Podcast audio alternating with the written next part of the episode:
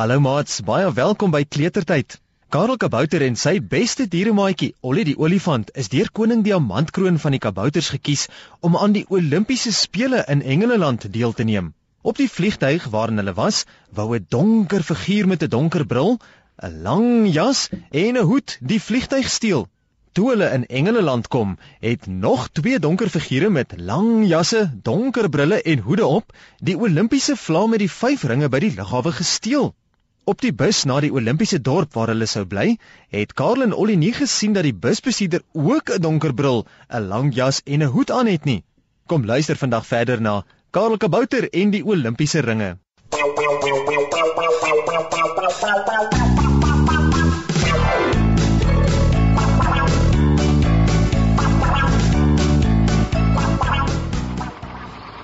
Karel Kabouter is baie moeg na die lang vlug van Kabouter en Diereland na Engeland toe. Die bus het skaars weggetrek of sy kop val agteroor op die stoelkussen en hy is vas aan die slaap. Ollie die olifant is waawyd wakker. Hy het lekker vasgeslaap op die vliegtyg en hy kyk om hom rond. By die uitgang van die lughawe is daar 'n groot bord met 'n pyl wat na die regterkant toe wys met die woorde daarop: Olympic Village. Ollie kyk na die buskonnekteur wat almal se kaartjies kom haal en wys vir hom om nader te kom. "Ekskuus om te pla, meneer busdikonteur," sê hy en wys na die bord voor hulle. "Wat beteken die woorde op daardie bord hier voor ons?" Ek verstaan Engels nie so mooi nie. My maatjie vir wie ek altyd die groot woorde se betekenis vra, slaap vas hier langs my. Die buskonnekteur glimlag. Gelukkig verstaan hy dieretaal. Hy sien dat Ollie grootwoorde nie baie mooi verstaan nie en hy buig oor hom. Olympic Village beteken dit die Olimpiese dorpie waar julle almal gaan bly vir die Olimpiese spele, na daardie kant toe is. Ek kan net julle kaartjies kry asseblief. Ollie die olifant glimlag ook. Hy gee die kaartjies en wys sy duim regop in die lug om dankie te sê. Toe die buskonnekteur verder stap om die ander atlete se kaartjies te kry, wonder Ollie of hy vir Karel moet wakker maak en hom vertel dat hy so 'n bietjie Engels geleer het. Toe skud hy sy kop. Karel slaap dof te lekker, sê Ollie en skuif terug in sy stoel om gemakliker te sit en glimlag dat sy twee lang tande blink in die bus se dakligte. Ek sal wag totdat hy wakker word. Hy sal verbaas wees dat ek Engels kan praat. Olympic Willike. Ollie die olifant kyk weer by die bus se venster uit en hy frons skielik. Hy sit regop en knip sy oë. Dit lyk my die busbestuurder het nie die bord gesien nie, sê hy en staan op uit sy stoel. Hy het links gedraai en nie regs nie. Hy ry die verkeerde pad. Meneer busbestuurder, roep Ollie en hy waai vir die busbestuurder. Jy ry verkeerd. Ons moet na die ander kant toe ry. Meneer busbestuurder, hoor jy my? Dit lyk of die busbestuurder glad nie vir Ollie hoor nie. Hy ry net al hoe vinniger. Ollie kyk rond of hy nie die kondukteur sien nie maar die lê vas aan die slaap in een van die stoele agter in die bus nadat hy almal se kaartjies gekry het.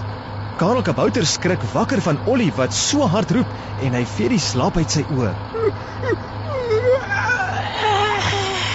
Hoekom praat jy so hard, Ollie? Vra hy slaperig en sit regop in sy stoel. Dis nog 'n hele entjie na die Olimpiese dorp toe. Kom, slaap 'n bietjie hier saam met my. Ollie die olifant buig af oor Karel en hy skud sy kop. "Dis die probleem, Karel," sê Ollie en wys by die venster uit. "Ons ry die verkeerde pad, weg van die Olimpiese dorp af. Die bord het na die ander kant gewys as ons na die Olympiese Village toe wil gaan." Karel Kabouter is nou helder wakker. "Dis nie Olympiese Village nie, Ollie." Hy staan ook op uit sy stoel. "Dis Olympic Village." Maar miskien het die busbestuurder nie die bord gesien nie. Kom, ons moet hom gaan sê hy ry verkeerd. Ollie die olifant skuif uit in die busgangetjie sodat Karel ook kan uitkom. Hulle stap na die busbestuurder, maar skielik steek Karel vas en hy wys vir Ollie wat agter hom loop om doodstil te bly staan. "Ollie, kyk daar," sê hy en wys na die groot spieël voor in die hoek van die bus wat die busbestuurder altyd gebruik om te sien wat in die bus aangaan. "Sien jy wat ek sien?"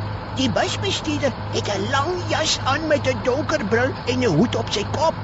Hy is seker een van die skurke wat die Olimpiese vlag op die lughawe gesteel het. Ollie die olifant loer oor Karel se skouer na die weerkaatsing in die spieël. "Hy's reg, Karel," sê hy en hy frons kwaai. "Ons moet hom keer, anders kom ons nooit by die Olimpiese dorp uit nie." Skielik sien Karel blou ligte wat agter die bus flits. Toe hulle omkyk, sien hulle 'n polisiekar aangery kom. Dis ons kans, Ollie. Roep Karel en draf na die naaste busvenster toe. Ons moet vir die polisieman wys om die bus te stop. Ollie die olifant help vir Karel Kabouter om die bus se venster oop te maak.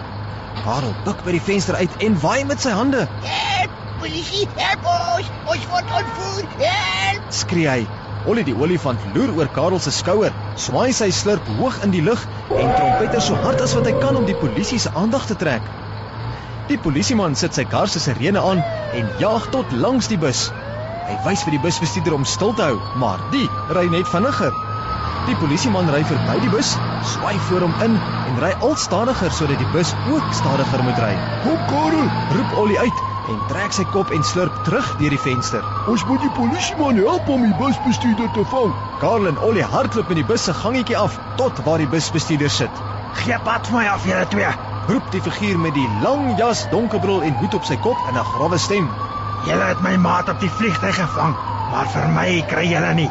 Ons sal sorg dat daar nie van jare Olimpiese spele is nie. Hy swaai die stuurwiel van die bus sodat dit gevaarlik eenkant toe ry.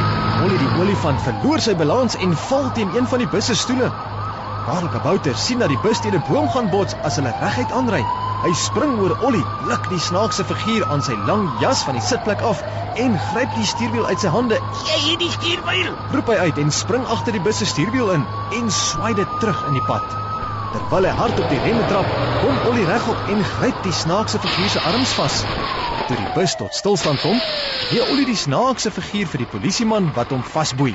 Hy ruk en pluk, maar loskom is pure verniet. Julle kan my vang, Roep hy uit. Maar my ander maat is klaar by die Olimpiese stadion. Julle sal sien, daar gaan nie Olimpiese spele wees nie. Die polisieman druk die man in sy polisiekar en kyk na Karel en Ollie. Dankie dat julle die man gevang het. sê hy en voel in die man se sakke. En daar trek hy die Olimpiese vlaam met die vyf ringe wat hulle op die lughawe gesteel het uit sy sakke. Die polisieman skud sy kop en klim agter sy stuurwiel in. Ek het gesien die bus ry in die verkeerde rigting. Dis waarom ek agter julle aangery het.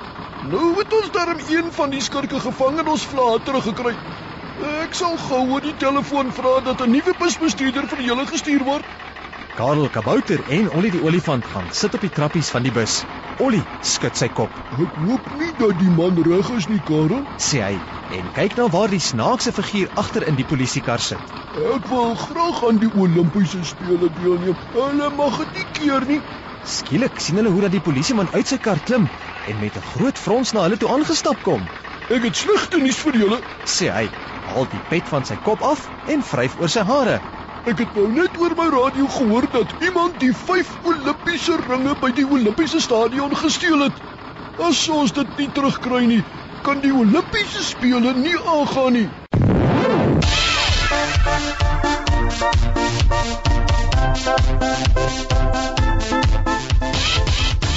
Sal die 5 Olimpiese ringe teruggekry kan word? En sal Karel en Ollie tog aan die Olimpiese spele kan deelneem? Kom luister volgende keer verder na Karel Kabouter en die Olimpiese ringe.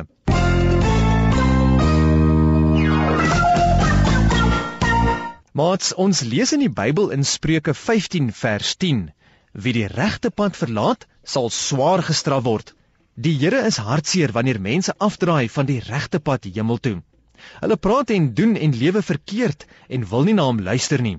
Kom ons maak ons oë wyd oop elke dag om in die Bybel te lees hoe God wil hê ons moet lewe, want dit is die regte pad, die Here se pad. Ek groet tot volgende keer. Totsiens.